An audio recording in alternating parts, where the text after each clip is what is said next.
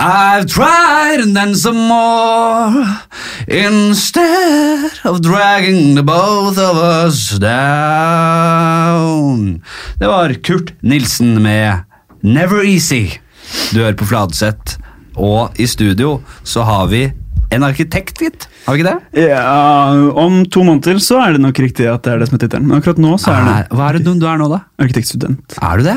Jeg trodde det var i arbeid. Ut. Fem uker igjen. Kom det ut? Vet, men jeg er i arbeid òg. Er det det, ja? Så jeg jobber som Eller er det som heter arkitektpraktikant eh, i et kontor som heter RPO. Ja vel, ja.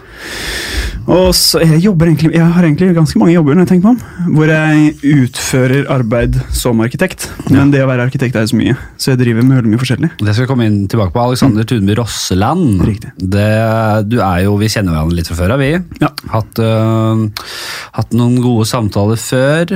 Du er en fin fyr. Likeså. Og så vil jeg snakke med deg fordi du er en fin fyr, og syns jeg arkitektur er spennende. Mm. Jeg har litt drømmer om min fremtidige leilighet eller hus Mm. hvis jeg får masse spenn. Penger i kassa. Så er jeg jævlig med visjoner. Det skal vi også komme tilbake til.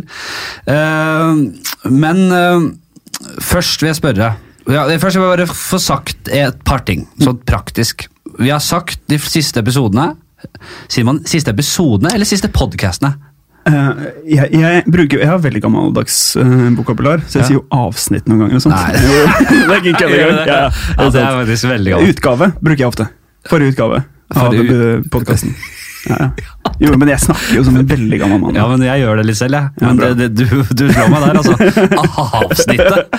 Ok, Avsnitt det har vi kanskje brukt én eller to ganger, Ja. men utgave bruker Utgave er det ordet jeg bruker. Ja, du driver også podkasten Byggekunst, er det ikke det? Det er riktig. Der snakker dere åpenbart om byggekunst. Byggekunst, ja. Byggekunst var det gamle navnet på det norske arkitekturmagasinet, som nå heter Arkitektur1, som het Byggekunst. Og så bare ga de opp det navnet. tenkte jeg, ok, men da tar jeg det, fordi det er et veldig godt navn. Nå kom jeg, jeg klarte det kunststykket å ikke klare å si noen av de tingene. De praktiske tingene jeg skulle si. Å ja. Eh, Jeg spora på podkast, om å si det. Uh, I dag så prøver vi virkelig å holde oss til 45 minutter. Uh, hvor lenge har vi jeg, lenge, Jeg vet ikke hvor lenge vi holdt på. Nei, ja, ja, så, så, så, ja. Sånn cirka. Sånn cirka der, da. Det, så jeg, jeg, jeg, nå setter jeg på klokka. Ja, Nå tar vi tiden. Vi prøver det, fordi av og til så kan det bli mye å høre den jævla stemmen min i ti, en time og ti minutter. Og så er det digg at man sitter og vil ha litt mer i stedet. Det kan hende jeg går vekk fra det igjen, men nå prøver vi det. 45 minutter, start nedtelling. Hva var den lengste episoden vår? da? 1,30 vel. Ja, ikke sant. Med Erlend Mørk, tror jeg det var. Ja. Men da, Jeg hadde en episode med Erlend Mørk. Kjenner du til han? Oh, nei. Fin fyr. Fin fyr. Fin. Men øh, også har jeg jo hatt øh, en øhm, produsent og slags sidekick, har han blitt, øh, og min ergeste rival. Mm. Han, øh, han prøver å sabotere for meg hele tiden, og en gang så, med denne episoden med Erlend Mørk, så måtte jeg på do. Jeg måtte jævlig på do, og så jeg Ja. gikk på do og sa men dere kan bare prate, jeg er borte i to minutter. Og så gikk døra i smekk, Nei. så jeg sto og banka på et kvarter. Og de holdt på å snakke et kvarter, ikke sant. Så da var vi plutselig oppe på en og en halv time. Ja, Så var ikke din feil, på en måte, Nei. at det ble så langt. Men da kan du tenke, se, høre selv hvor utspekulert han Jim er. Ja, ja. Og dere som har lytta, lytter fast, dere vet jo hva den, den, den, den interne konflikten hva det dreier seg om. Mm. Den er ganske lei, altså, Alex. Jeg skjønner det, altså. Jeg slipper det i min enkeltmannsredaksjon. Ja, For du er én. Ja, eller, ja, eller vi er jo egentlig Vi starta det sammen, jeg og en som heter Tor Christian. Ja. Men så holder jeg mest tid til å legge ut og holder det gående. Det var det ene. Eh, og så har vi jo ofte komikere her.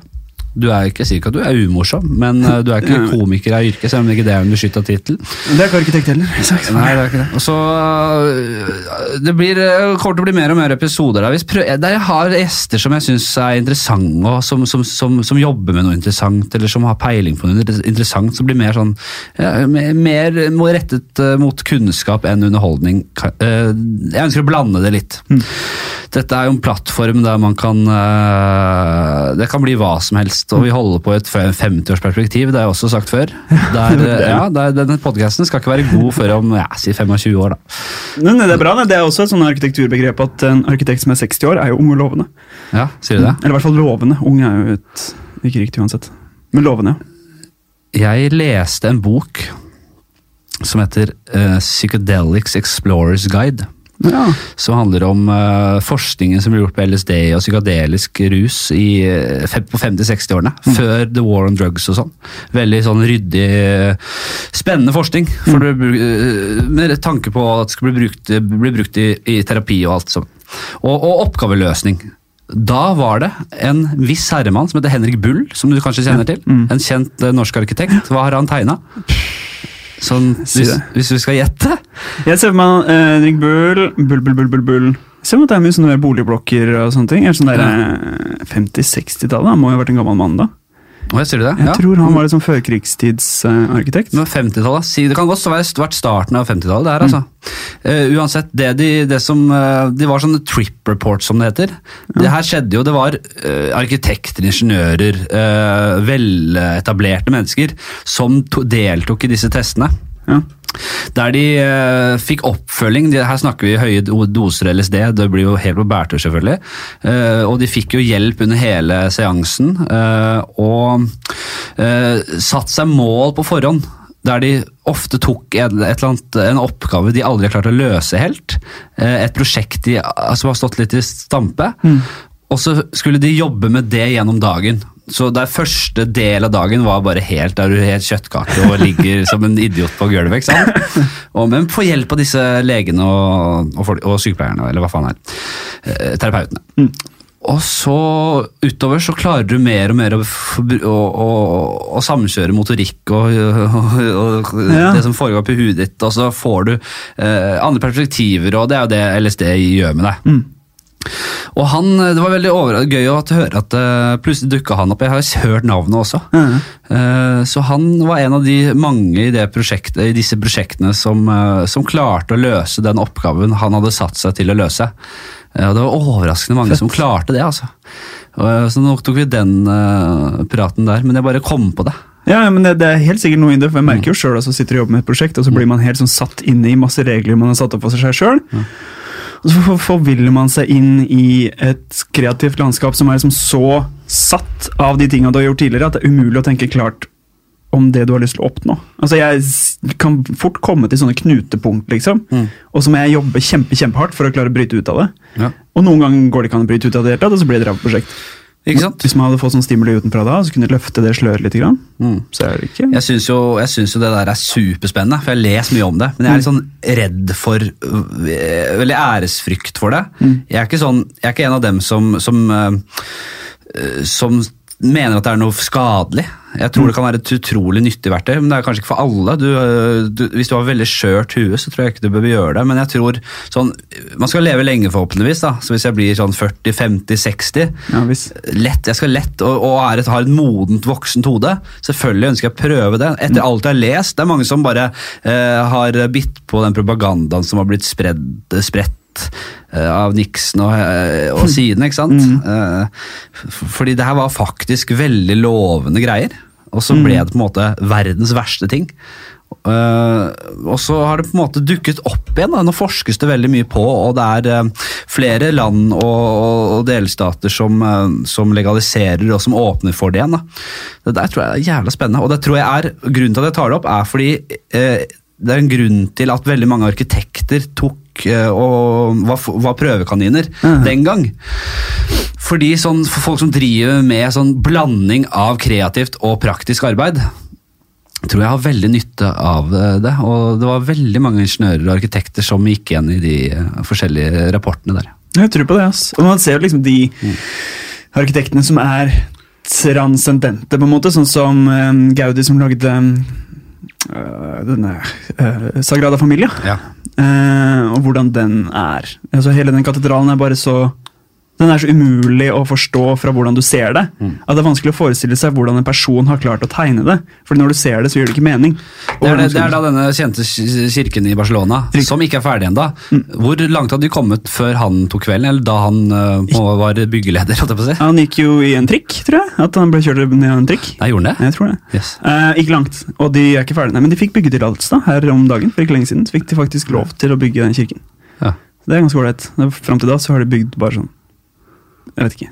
Men, og så- de har ikke bygd på den jo da, men greia var at av, av en eller annen grunn så har den byggetillatelsen ligget inne til til ja. liksom tilsyn eller søking Ser du det? i 100 år. Og vi trodde våre prosesser her til lands var sei- seige. Barcelona er en, en helt egen klasse. Men eh, nei, det, er- så, det er det som er med katedralbygging. Da. Det går jo over generasjoner. Og det er noe som mange ønsker å hente tilbake inn i samtidsarkitekturen. Dette at man må tenke på Altså Man bruker begrepet katedraltenking. Du kan ikke bygge et bygg i dag og så tenke at om 30 år skal det rives og erstattes av et nytt, som liksom har vært et dogme veldig lenge. da. Ja.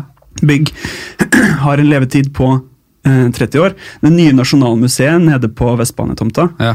blir jo liksom skrytt veldig av at det, har, det skal leve i 100 år. Robust.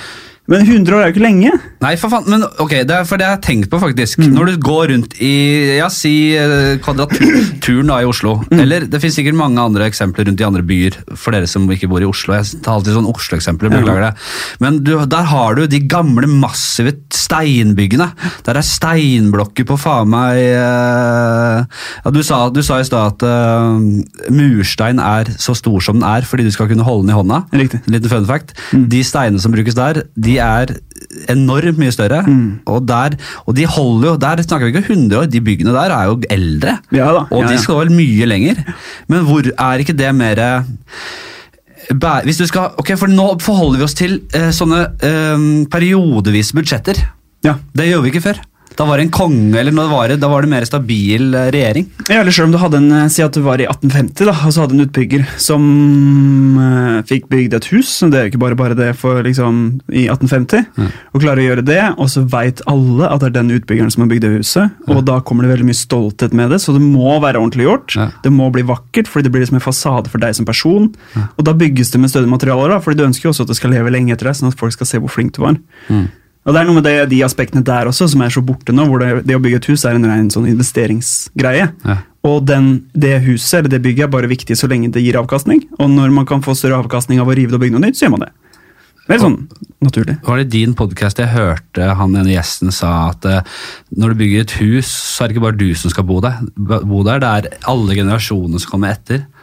At det, var det, at det, det er barnebarn og oldebarn. Og, altså, eh, At det var, en, eh, det var sånn man tenkte før, i større grad enn man gjør nå. Ja, absolutt. Eh, og i hvert fall når det kommer til bolig. Altså, Nettopp at du skal bo der, og barna dine òg. Og det kommer jo også inn på dette med katedraltenking, som er det begrepet som jeg snakka om tidligere. Ja. At man tenker i et perspektiv hvor det Veldig mange tenker jo bare at man er i sin egen tid akkurat nå, og så går man fremover i tid. Men hva hvis man tenker på at man lever for to, altså Man har eh, sine foreldre og sine besteforeldre og oldeforeldre som har hjelpa seg til den posisjonen man er nå. Og så har man barn og barnebarn og oldebarn som man kan hjelpe med sine handlinger i dag for å få et bedre liv i fremtiden. Jeg pratet med ei som heter Anne Beate Håvin om det. Og hun sa det med en gang hun begynte å tenke på den måten, så bare slapp skuldrene hennes helt. Ja. Så bare ble hun mindre stressa, for det er ikke noe som er så viktig nå. Fordi hun lever på en måte på vegne av noen som lever om 200 år, og er et resultat av de som levde for 200 år siden. Og så bare sånn, ja, ok, men da tar jeg avgjørelser basert på det isteden. Um, og det er, det er helt klart, det er jo en, det er en bærekraftstankegang. Jeg elsker bærekraft. Mm. Jeg elsker bærekraft. Er bærekraft, er flott, det. Altså, jeg, jeg er blitt mer og mer glad i bærekraft. Jeg, og jeg var en lat jævla drittunge. Ja. Uh, som var idiot, og uh, ville selvfølgelig ikke høre på foreldrene mine, som alle unger. Eh, det er vel noen som gjør det, men jeg er nøler. Ja, det er nerd, altså. Eh, nei, jeg, alle, ingen gjør det. Så, men faren min han har alltid vært så jævlig grundig. Ja.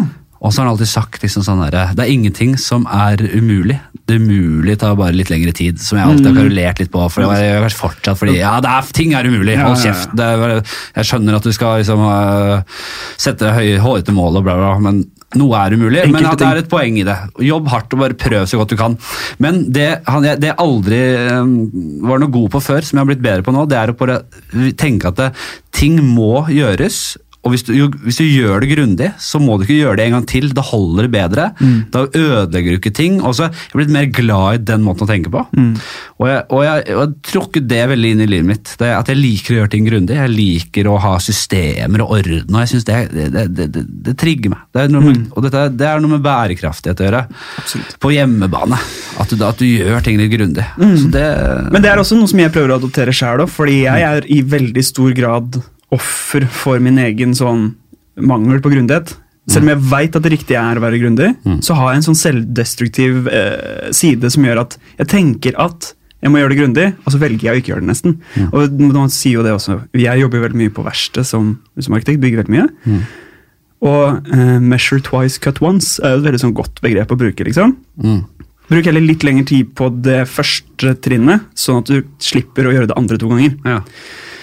Eh, og jeg veit at det er lurt, men likevel så kutter jeg feil og sager i skakt og liksom gjør sånne ting fordi jeg jeg vet, jeg vet ikke hva det er, men jeg, jeg har ikke kommet dit at jeg klarer liksom å implementere den grundigheten jeg vet jeg trenger, inni livet mitt. Ja, faen, men det er, og det er så utrolig irriterende når du surrer, når du surrer til, Mm. der du kan klare å lett ikke gjøre det. Er bare det å komme seg ut av døra om morgenen noen ganger bruker jeg lang tid på. bare fordi, ah, nei, jeg må den der, ja. Ja, ok, Og så må jeg hente den, og så må jeg, ja, men jeg satt på den vaskemaskinen. Bare sånn surregreier. Ja, Det er så, så, Vet du hva jeg klarte å gjøre her om dagen? Nei. Som er sånn jævlig irriterende. Det var bare sånn, Der var jeg distré. Eh, jeg, jeg, jeg skulle opp til en kompis. Skulle drikke litt vin og kose oss. Mm, jeg, hadde ti, jeg hadde Rett før jeg dro, så hadde jeg stått og holdt den vinen. Det var en Baron de Lei Grand Resaura, yndlingsvinen min. Og så hadde jeg stått og sett på åh, dette blir bra! Ned i posen, uh, ut døra, på elsparkesykkel. Ja, ja. Hele veien opp dit. Eh, jeg frøys litt, det var litt kaldt, og jeg gleder meg til å komme inn. og Parkerte den. Og så, i et svakt øyeblikk, så på en måte glemmer jeg å passe på posen på styret. Så den glir av styret og knuser. Nei. Og da blir jeg bare så oppgitt at jeg men Det er så latterlig dumt at jeg klarer ikke Mm. å liksom stå der og som Carl Reverud og nei, nei. Så jeg bare, jeg bare flykter fra åstedet. Jeg lar den ligge. Oh, ja. Og kommer For den knuste, du var helt sikker på at det var knust? ja, ja, ja. Og hanskene mine oppi. Nei. De lot jeg også bare bli der. Eh, vekk fra åstedet. Mm. Uh, måtte bare tenke positivt. Det, det er bare ting. Det er bare en ting. Mm. Uh, jeg ringte en kompis, han hadde noe taxfree-vin, tok med det. Bra. Ikke like god, selvfølgelig, men jeg fikk liksom men Det er sånn klønete. Og Ja, det irriterer meg. Og den følelsen der at sånn der, du visste at det styret der er helt ræva, og Ja. at den kommer til dette hvis ikke jeg holder i det, Ja. men så bare sånn Ja, det er ikke så viktig likevel. Ja. Og jeg tenkte på det på vei opp òg. Jeg tenkte jo på det underveis. Men jeg, jeg lurer på om det er liksom Jeg føler at dette er en side av meg som prøver å ødelegge for den andre siden av meg. Og jeg føler at disse valgene tar jeg på et jeg, jeg, jeg begår passive valg for å hindre meg sjøl i å gjøre det rette. Ja. Når det kommer til sånne ting. Ok, vi skal litt, eh, Nå ble det bare freestyling her. Ja. Eh, hva er det feteste bygget uh, du vet om i Oslo? Oslo rådhus. Er det det? Ja. Det er helt rått. Jeg tror det er det beste, bare sånn Du, Jo, ja, det er det. det er det. Mm. Jeg tenkte på det her nå for litt siden, faktisk. Fordi min favoritt har alltid vært Sjømannsskolen. Gri... Ja, det er fint. Fordi det er så rått robbeliggenhet, og det er bare Jeg er litt fra Bekkelaget Ekeberg her, ikke sant. Ja. Det har vært min eh, En sånn barndomsgreie. og så sov jeg utenfor Oslo rådhus, og det er jævlig rått, ja. Ja. Og det som er så rått med det, er at det er veldig fint fra utsiden. når du begynner å... Jeg skjønner jo det at når man ser det fra langt unna, så ser det bare ut som to store mørke volumer, men så begynner du å se på ting som skjer på fasaden på utsiden. Ja. Helt fantastiske ting. Ja. Og så kommer du inn, og så virkelig blåser du huet av deg. Altså. Ja, ja. Det er så mye fine ting der inne. Men altså, det er så massivt og, og maskulint. Mm. Det, kunne like, det kunne vært en stor ståpikk, liksom. Mm. Den bare slår imot deg. Og som den plassen foran, den, er sånn der, den har fått veldig mye plass for at du skal kunne se det på avstand òg. Det er Ja. noe med det Ja. At du kan faktisk se det fra de kantene skal ses, og så er det det svære greiene.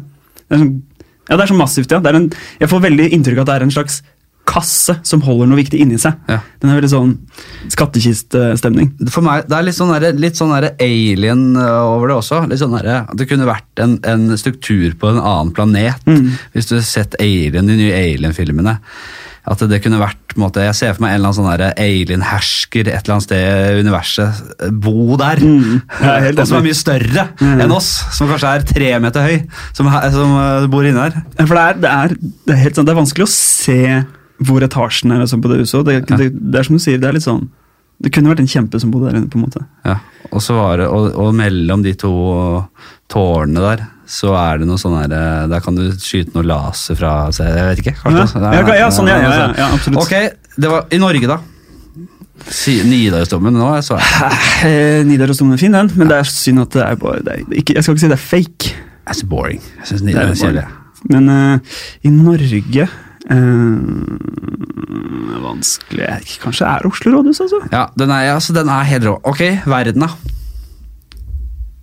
Barbican Center i London Ja. er et av de beste stedene jeg vet å besøke. Hver gang jeg er i London, så drar jeg dit minst en gang. Det er et sånn kjempegigantisk bolig Egentlig boligsenter i City of London. Mm. Med litt sånn, Det er liksom galleri der, og så er det sånn koselige kafeer, og alt er i bare betong.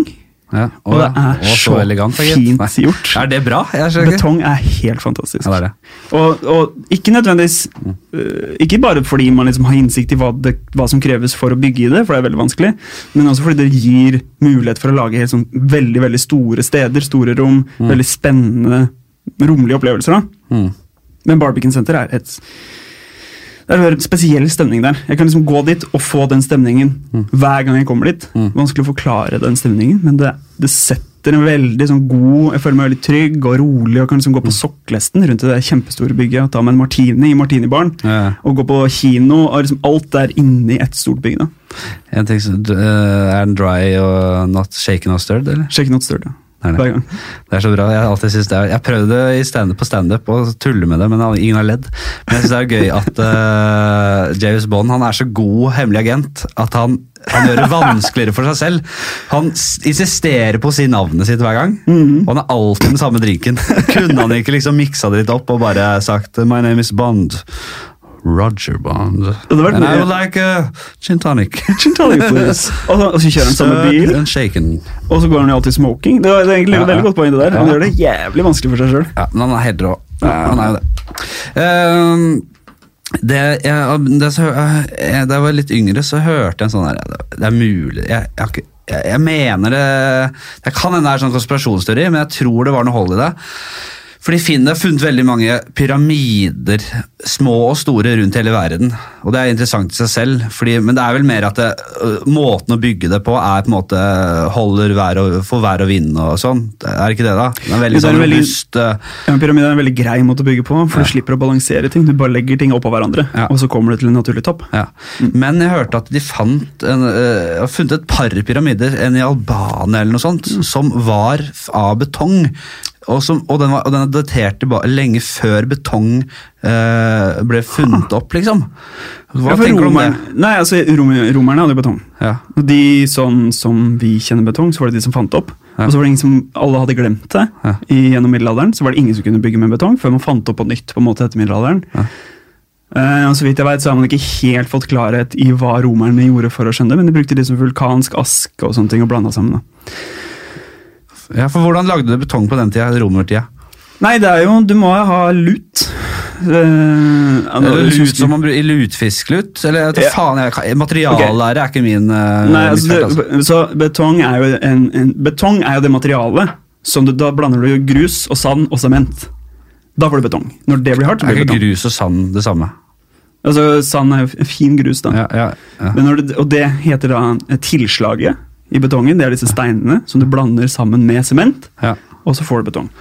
ja. Sement er liksom et pulver. Og det pulveret er Jeg husker ikke helt eh, oppskriften på det, men det, er noe lut, og det er noe kalk, og det er noen forskjellige typer stein. og bla, bla. ja. Um, um, Men hva er sement, da? Det må du ta kjapt. Det er pulver. Altså, du kjøper en sekk med sement. ja, men de hadde jo ikke en sekk med pulver på Nei, men Dette klarte de å lage, da, romerne. Fant opp dette. Bauhaus i Romerike. Uh, det hadde de nok ikke. Så hvordan lagde de det der? Nei, det vet jeg det må du nesten spørre de Men altså, nei, sånn, de, jeg har sett folk som har gjort det også. At de, Mm. eh, det, det, er noe, det er noe aske inne i bildet. Ja. eh, og vann. Ja. Eh, og tilslag, da, disse steinene. ja. Og så blir det hardt. ja. Og så blir det hardt for alltid. Det er nøkkelen. Men eh, om albanerne hadde det for 5000 år siden, det aner jeg ikke. Men jeg ser ikke bort ifra at hvis det er så enkelt at du kan bruke litt sånn Jeg, jeg, jo, jeg, jo, jeg ønsker at ting skal være sant, at ting Ja, skal ja, være mystisk, men det er mest sannsynlig en forklaring på det. Men det er som med pyramiden også. Det er jo en eh, professor på NTNU som heter um, Ole Jørgen Bryn. Ja. Som har skrevet en bok som heter Apex, om pyramidene. Første arkitekten i verden som har studert pyramidene som arkitekt. Ja. Og tenkt som hvordan ville jeg gjort dette hvis jeg var arkitekt. Ja, fett. Og så skrev han denne boka og analyserte alle pyramidene. Han har en sånn livslang lidenskap for pyramidene. Og så studerer han Keops-pyramiden, og så sa han det at hvis jeg som arkitekt skulle tegne den her, så ville jeg gjort sånn og sånn, og så ville det vært noen forskjellige rom her og der for å liksom ta bort litt vekt og lage det bedre strukturelt. da. Ja. Og det var rom som ikke fantes. men han sa at han ville gjort det sånn hvis han hadde vært arkitekt. Så går det mange år, og så drar det masse briter ned dit og begynner å skanne dem på nytt, pyramidene. Så finner de dette rommet som, eh, som han Gjølle, da, som han blir, kalt, Ja. har liksom teoretisk funnet fram til som arkitekt. Ja. Og han mener jo det at det er en helt sånn Det er ikke noe, det er ikke noe romvesener som har vært her.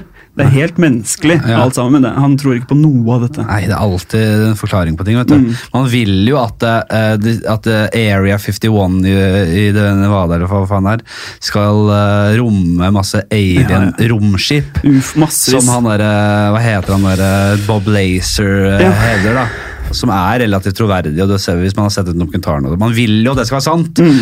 Uh, og det var en Facebook-gruppe som skulle storme hele dritten. Møtte opp 50 stykker. og eh, Edward Snowden, hvis du hørte en uh, Joe Rogan-episode med han. Nei. Han sier også det at eh, eh, han vet mye, og han har også gått ut med det han vet, Ja. men han har ingen tro på at det stemmer. Eh, Som altså, Hvis det er skjult, så er det jævlig godt skjult. Ja, ikke sant? Det, og og hvis, hvis Donald Trump hadde fått vite om det, så hadde han sikkert ikke klart å holde kjeft om det. Nei, men Ville du sagt det til han? Hvis du, Si at du var sikkerhetsrådgiver i et hvithus og du visste alt, og bare sånn, ok, Donald Trump kommer inn, og så sier han 'fortell meg alt'. Så er det noen ark som går ned på gulvet bak der, liksom. Ja. Ville jeg gjort, da. Ja. Men øh, det jeg vet, som jeg ikke vet så mye om hva innebærer, men jeg har hørt at du har jobbet med noe sånt, et pro- nazi-prosjekt. Mm. Kan ikke du fortelle litt om hva det var? Jo, det er altså ei dame som er professor i arkitekturhistorie på University of Buffalo. Og så har hun skrevet flere bøker tidligere, annet en bok som heter Hitler at Home. Hvor hun tar for seg liksom Hitlers interiørarkitekter, på en måte. Eller de arkitektene som tegner liksom, de tinga som Hitler skulle ha. da, Ikke Tredje riket, men de koselige liksom, stua til Hitler. Altså, jeg må si, jeg, står, jeg hater alt Hitler gjorde. Uh, men hvis jeg hadde møtt og fått reist tilbake i tid, så hadde jeg sagt Hitler, Adolf, det du gjorde, forferdelig, men jeg elsker Jeg har sett alt. Jeg har sett alt, alle kommentarene, alle filmene, alt. Jeg elsker det. Jeg er blodfan, men hater det. ja, det er helt rått. Altså, Hitler er tom, sier jeg, hvor ja. kan man se det? Ja. Ja, det er en veldig spennende bok. Eh, Despina Stratigakos heter hun. Eh, og så ble jo, skulle skrive en bok da på Princeton Press som heter um, altså Det var en bok om Hitlers planer for Norge etter krigen. Ja. Og Hitler hadde enorme planer eh, for Norge etter krigen. Blant annet så skulle det etableres en by sør for Trondheim på det som heter Øysand, som er en sånn stor slette sør for Trondheim. Ja. Som skulle bli et sånn militært støttepunkt eh, i Det tredje riket.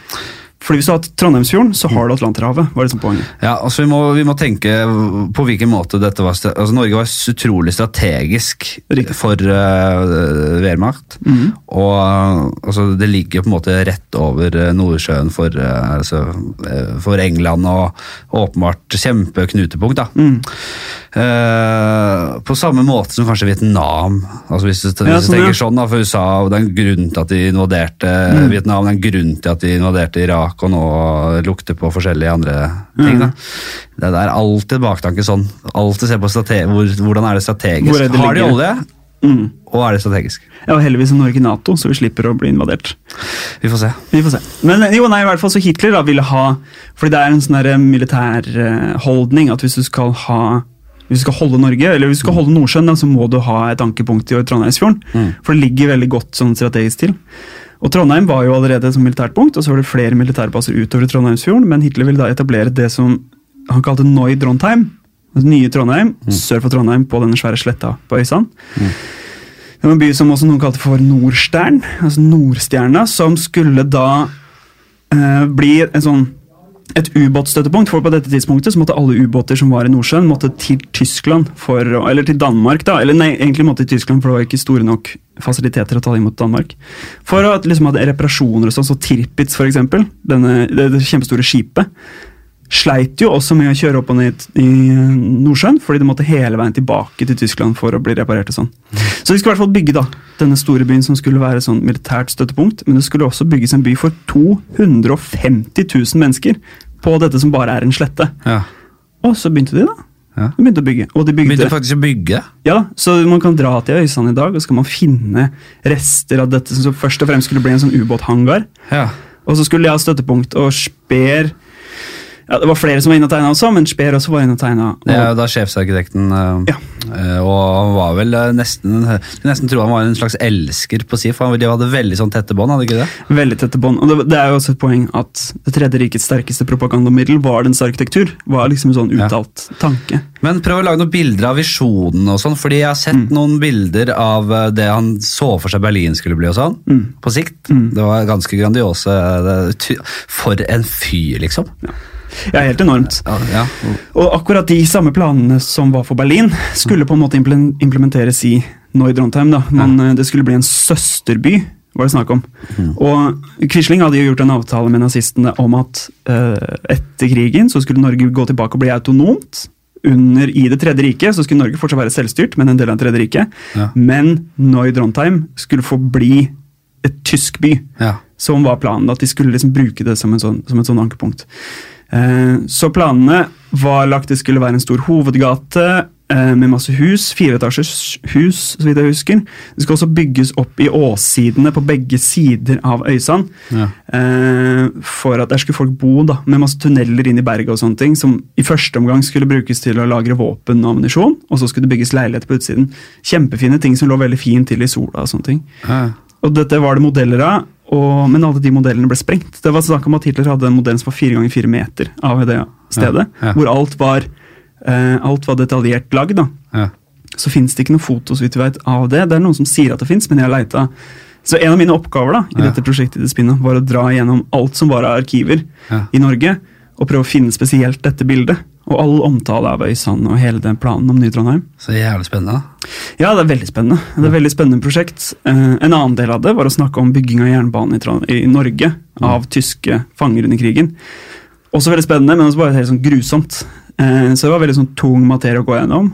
Eh, men å lese om den enorme innsatsen som ble lagt i jernbaneinfrastruktur, da, Mm. og hvordan de brukte slaver, og hvordan spesielt slaver fra Øst-Europa som ble tatt til fange, ble sendt til Norge for å bygge jernbane, og bare ble behandla som som man ville behandle maskiner i dag, på en måte. Ja.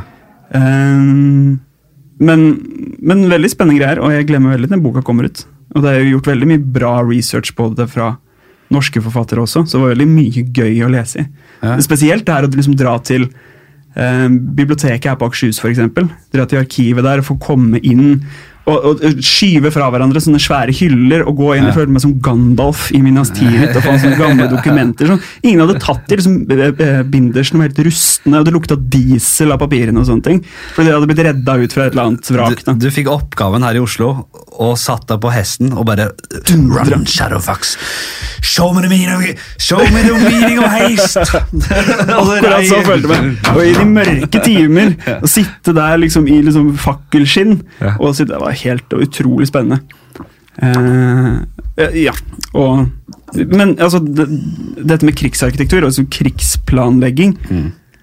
det altså Den arkitekturen som etablerer seg i sånne diktaturer, er jo helt ekstremt spennende. Ja. Eh, fordi de er så tydelige. Og så begynner man å ettergå det og liksom se på det som sånn arkitekturteoretisk. Mm. Og analysere det, på en måte. Så er det ikke så spennende, for det er bare gamle ting på nytt. veldig ofte. Det er bare sånn, Kjempebreie gater, vi gjør alt i marmor, og så har alle lys. eh, og så er det ferdig. Det er ikke noe utfordrende, på en måte. Da Hitler liksom satt for seg selv og bare Det var ikke noe iPhone da, for å si det sånn. Da var det satt han kanskje med en Han drakk ikke heller, vet du. Han satt Nei. med en liten eh, Hva gjorde han? Han bare satt der. Satt der med, med sparkling water. Kanskje han, Ja, det var det, det Sparkling. Sparkling water. og og jeg, jeg, hva satt han da bare så og, og tenkte Hva tror du han liksom tenkte om seg selv og det han hadde fått til, og fremtiden, da, da, da han var på, på høyden? da? Nei, jeg kan ikke, altså. Hva, altså, hvis du skal prøve å sette oss inn i huet hans, liksom. For det første jeg tenker på, er at uh, ok, hele verden er min fiende. Det er, liksom- det er et verdensbilde jeg allerede nå jeg får angst av å prøve å sette meg inn i. det, på en måte. Ja. Alle prøver å drepe meg, Mm. men jeg har antakeligvis rett inni mitt eget hode. Mm. Også, men det, det som jeg syns er fascinerende, da, er jo den derre eh, altså den stå-på-vilja som var der. Og jeg skjønner ikke hvordan liksom det, de, det var Alt som skjedde med Det tredje riket, var så stort. Mm. Det var på en måte Man skulle bygge de største byene, de Ja. største bygningene. Vi skulle ha de største, Flest tanks, Mm. flest skip. Flest av alt. Vi skulle drepe flest. Vi skal drepe flere enn alle andre. Ja. Og den måten å tenke på kjenner jeg meg veldig lite igjen i. ja, ikke sant? Maksimere alt, egentlig. Jeg kan skjønne at, du, at, man kan, at, at visse typer mennesker kan få sånne enorme narsissistiske stormannsgale tanker. Eh, og nå er det sånn litt lei av å sammenligne Donald Trump og Hitler. For de der, det blir så liksom eh, Men det er noe i det at det, se, det er noe, det er noe, det er noen, det er noen eh, Det er noe likheter der, er det ikke det? da? Det der med at du skal, du skal på en måte bare fake it till you make it. Uh, utrolig store tanker. Uh, Jo, men altså, bare den, de hadde jo, Det var jo også en tanke Jeg vet ikke hvor liksom, langt de kom med det prosjektet, men det var en tanke at de skulle bygge en demning ved Gibraltar. Og så skulle de senke Middelhavet med noen meter, sånn at det skulle bli lettere å bygge en bru over. Jeg tenker, hvordan, i, hvordan tenk, hva, Det er ikke science fiction engang, fordi Nei. det er helt latterlig. ja, ja. Men likevel så er det sånn, ja, det, vi prøver det. Ja. Det er klart at da har du jo gratis arbeidskraft. Eh, men lell, altså jeg kan ikke forstå hvordan Jeg, jeg klarer ikke å fatte det. Adolf fuckings Hitler, ass. Det er, uh, ja, jeg hater han, men jeg elsker han. Det er et evig spennende tema. Nei, jeg, jeg skjønner at jeg elsker han, men herregud, det er spennende. Jeg hater han med blodfett. Jeg, jeg, har sett alt av det du har gjort, jeg har sett alt du har gjort, og det er, du, det er, utrolig dyktig, så det er veldig bra, veldig bra, men det du gjorde mot jødene, Ja, ikke greit. Ikke greit. Uh, vi skal litt videre. Vi, uh, jeg har jo snakket eh, tidligere i podkasten om Jeg har jo eh, som Hitler grandiose visjoner for Der overlapper dere. ja, der overlapper vi veldig. Jeg kan jo veldig sette meg inn i å, drømme om eh, et flott hjem. Ja. Jeg tror ikke jeg har det i Jeg er, såpass lite ambisiøs og såpass lite hardt arbeidende at jeg tror ikke jeg blir styrtrik. Men si at jeg skulle hatt flaks. Si at jeg skulle Ofte handler det om flaks, ikke sant. Eh, Det er trygt å lene seg på det. Si at, det kom, at jeg faller og promper, da, og så går det viralt, og så har jeg, får jeg momentum. og så- Plutselig er du på opera, Ja. ramler og faller, Ja. promper. Ja, Typisk. det, ikke sant? Det er Fort gjort. Det er fort gjort. Truls Svendsen han, han har råd til å bygge seg et ordentlig hus nå. Ja. Fordi han uh, drakk seg dritings og snubla rundt på premieren på, På Colosseum annet, eh, for mange år siden. Var det James Bond, det òg? Ja, det var ikke det? lurer på om det var det. Ja, for han serverte Ryan martinis. Det var det han gjorde. Aldri. Eh. Jeg vet hva, jeg, I stad løy jeg. Jeg aldri drikker martini. Du har ikke I hvert fall ikke dry martini. Og du løy på deg det? Jeg løy på det med Nesten, det. Men jeg har vært i martini bar i Barbic- Barbican. Det har jeg. Ja. Eh, så, ok. Nå har jeg jo en arkitekt, eh, snart arkitekt, men uh, den, den jeg kjenner med mest, uh, mest kunnskap på feltet Jeg har jo uh, Hvis jeg kan starte på Å, det her koser jeg meg med, med, med jeg. Når jeg ser folk eh, på en måte er på byggeplassen til sitt eget hjem, da blir jeg misunnelig. Mm. Jeg har jo vært, jeg har, det er to ting jeg vet jeg vil ha. Begge inne, involverer vann. Ja. Fordi jeg tror at det, eh, det å kunne starte med En dusj blir liksom så, En vanlig dusj er litt kjedelig. Jeg tenker på sånn dusj, dusjkabinett som de kjøper i butikken. liksom. Ja, sånn Vanlig dusj er jo selvfølgelig det, er det, det, gjør noe sinnssykt mye med deg, bare få vann på kroppen. Det, er med, det er noe urinstinktivt med det. At du, at vi får, kommer i kontakt med vann, og så våkner vi til på en eller annen måte. Jeg tror jo at det, det å, å starte dagen med et bad eller dusj, det er liksom nøkkelen til en god dag. da. Ja. Og jeg har snakket mye om denne dusjen jeg vil ha. ja. Det er eh, Det er selvfølgelig fantastiske fliser og et, et ganske stort rom, eh, dusjrom, men det er dekket av planter. Som på en måte er eh, Det er, et, det er et eget, nesten et eget økosystem der inne. Men alle vet at det er veldig vanskelig å ha planter på badet, fordi med sollys Hvis du ikke har vindu, så er det veldig vanskelig å holde gode planter. Jeg er en plantemann. Blitt det med året. er det. Så jeg skal ha en sylinder som Ja. opp i taket, der sollyset treffer. Som, som, der, der sollyset går i sylinderen og treffer plantene.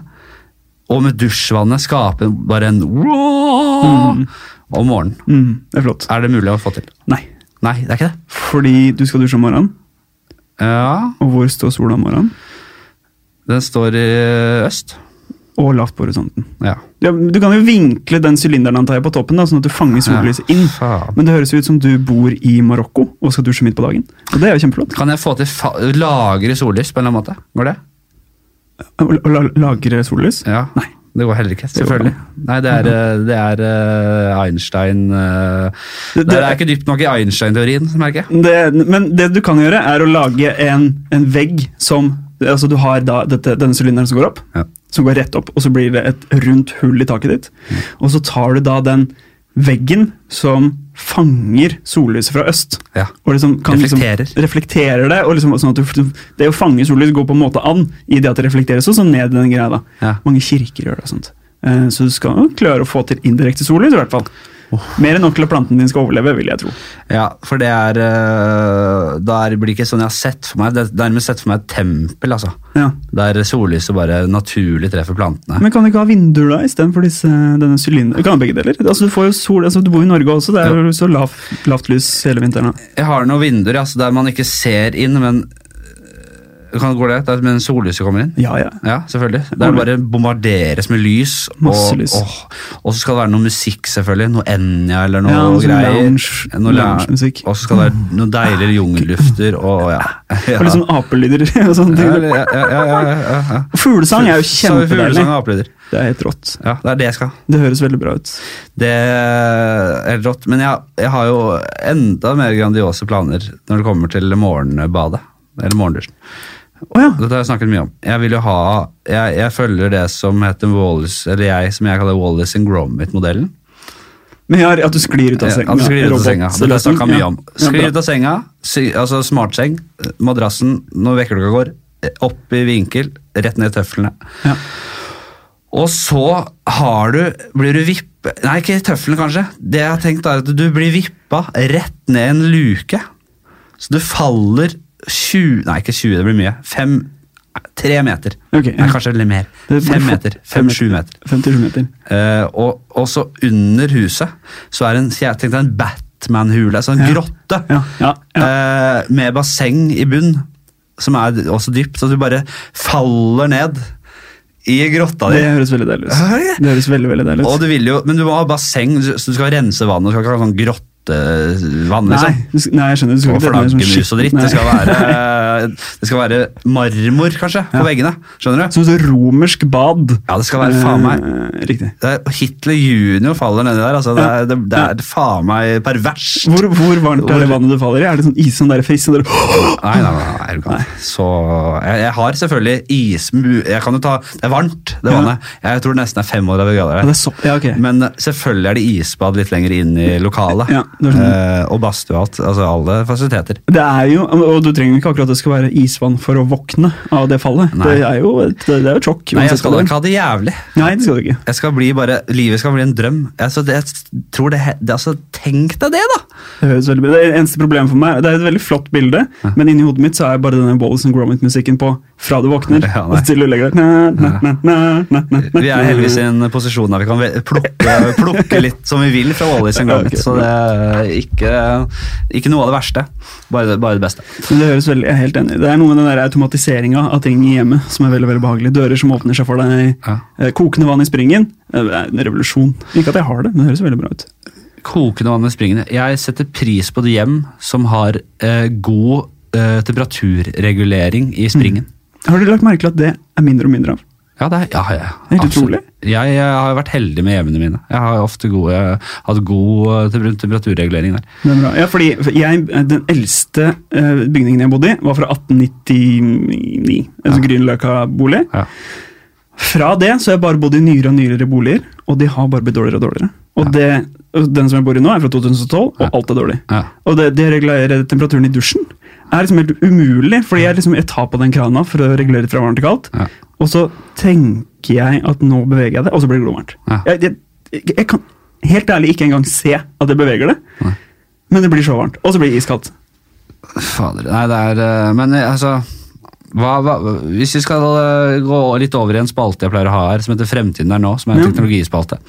Hva er det vi kan vente oss eh, i, i de neste 10-20 årene av eh, innenfor de fire veggene? Og utenfor, for så vidt. Solceller, det kan vi bare Det får vi Ja, altså jeg Det er det mange som har allerede. Solcelletakstein. ja, Først og fremst så tror jeg det er det at du, liksom, du, du lager din egen strøm. Mm, ja. Det, er liksom det første, tror jeg. Og så er det jo mer og mer framskritt på trådløs elektrisitet. At du rett og slett har strøm uten ledning. At bare, Ja. du, kan bare, du kan sette fra deg en kule på bordet, og så begynner den å lyse hvis du vil. ja. Og så flere kontroller til TV og sånn. Det må vi bli ferdig med snart. det må vi bli ferdig, det er jeg helt enig i. Ja. Uh, og det er jo Man skulle jo tro at disse tingene var fiksa. Ja. Liksom Apple klarer å ha en fjernkontroll med tre knapper.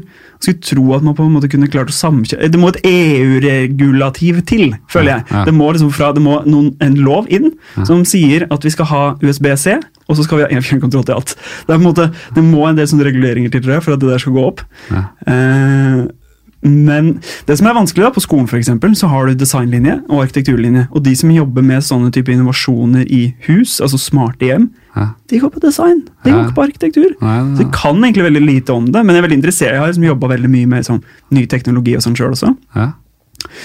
Men så er det det da, at du ser på hus du ser på, gå, Vi drar tilbake til Romerike. Og ser på hus der.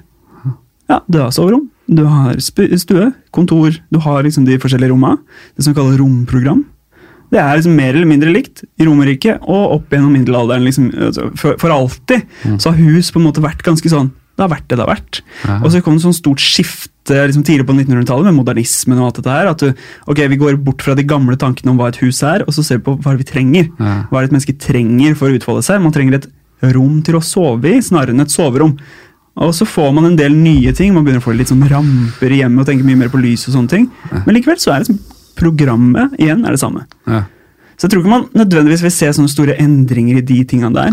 Jo, men hvis man vil, så kan man få helt rå ting. Tenk deg når vi får uh, jo smartere på en måte robotene og AI, hvis vi får AI og artificial intelligence og sånn. Tenk deg du står på kjøkkenet, og så har du på en måte Du trenger ikke å åpne et skap, men s- kjøkkenet er levende, så du sier bare Siri, eller du, hvis du er utrolig kjedelig, så kaller du AI-en din Siri. Jeg kaller den kanskje ja, fordi du, du kan velge navn på A-en din sjøl, og så går du for Siri. Ja. Eller Hey Google, skulle jeg kalt min. kanskje. Valdemar. Ja. Det er litt sånn kronglete å si Valdemar hver gang. Si Altså det, men det er et godt navn, fordi det er ikke så mange du kjenner antageligvis som heter Valdemar. Valdemar Sil. Og så, kom, og så kommer George ut med Sil. Ja. Skjønner du? Ja, det, og det kan jeg også. Liksom, og kanskje til og med sånn at Sila liksom legger seg i vasken, så du slipper å holde den sjøl. Sånn. Du kan bare liksom helle pastaen oppi der, Ja, ja. ferdig, og så må den over i gryta igjen. på en måte. Ja, ja. Og så, du, og så legger du bare Hvis du er ferdig med et glass og en kniv, liksom, så legger du det, kaster du det bare inn i et eller annet en sånn eh, greie, og så rydder oppvaskmaskinen Ja. selv. Ryddegreia, der tror jeg det, der hadde jeg også hatt veldig mye glede av å få fått noen innovasjoner. Ja, ja, ja. Ting, Men så er det, ja. Men man har jo allerede altså, Si at man har, du har støvsuger og vaskeroboter og sånn som bare går rundt i huset ditt og gjør ting. Ja. Eh, men så er det liksom veldig mye Det er ikke så mye mer i huset mitt som jeg ikke har lyst til å gjøre sjøl heller. Nei, det kan bli mye, selvfølgelig. Eller du kan miste helt eh, Hva skal man gjøre til slutt, da? Ja. Det, er, det går å ringe klokka, ass. Men jeg vil bare skyte inn dette Ja, med, vi med, kan gå litt over. med Der er jo virtual reality på en måte potensial på den måten at du kan sitte i en bitte liten leilighet i eh, Bangkok, Mm. og så er det en veldig liten leilighet.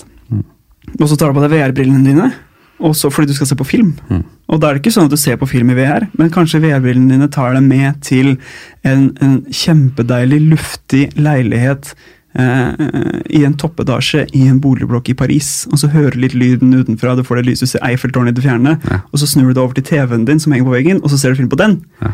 Så, altså, og de løsningene er jo der, og jeg vil gjerne bruke de, på en måte.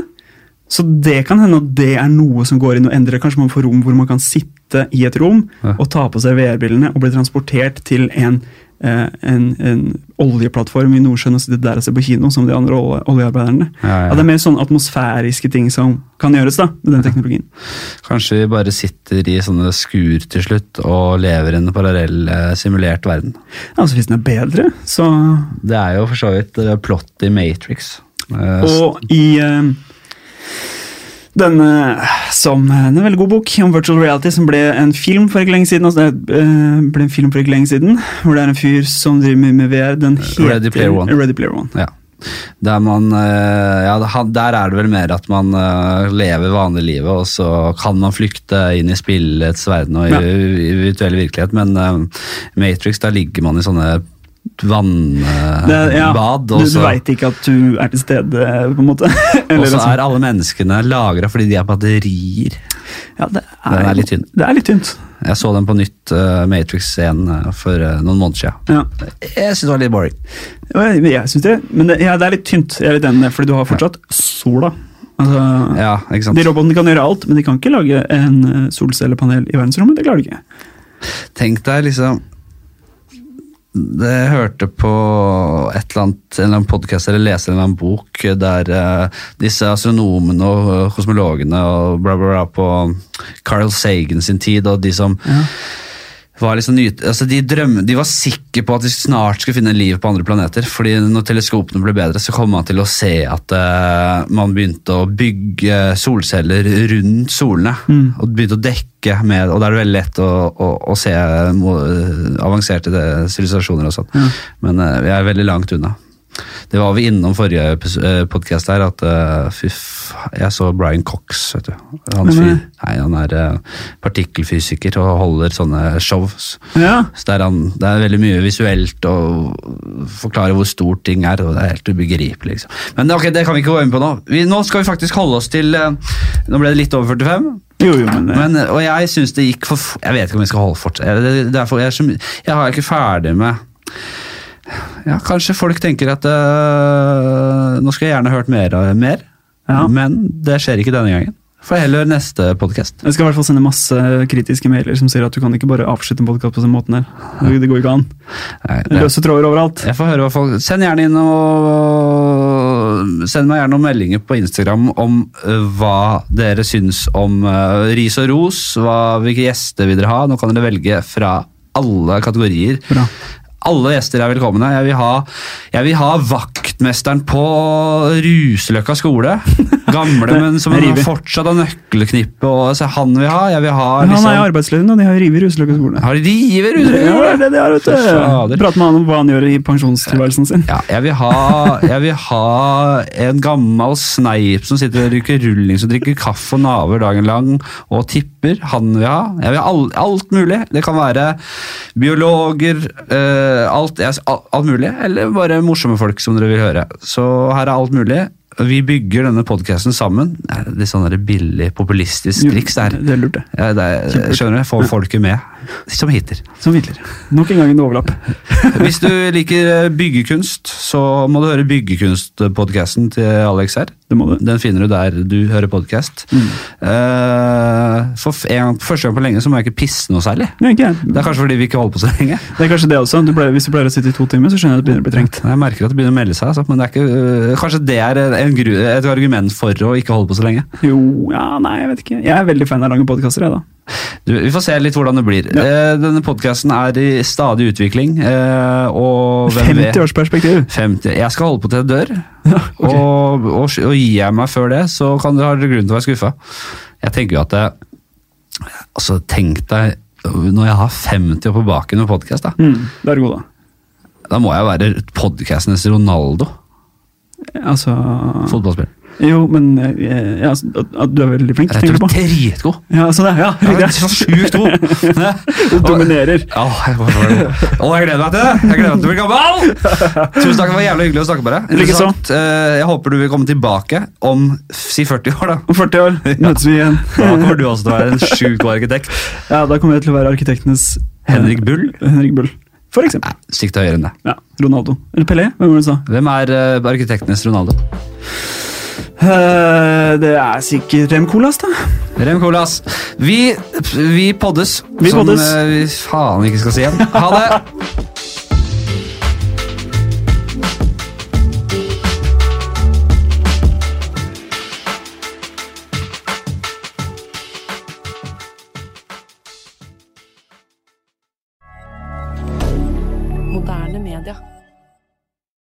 Har du et enkeltpersonforetak eller en liten bedrift? Da er du sikkert lei av å høre meg snakke om hvor enkelt det er med kvitteringer og bilag i fiken, så vi eh, gir oss her, vi.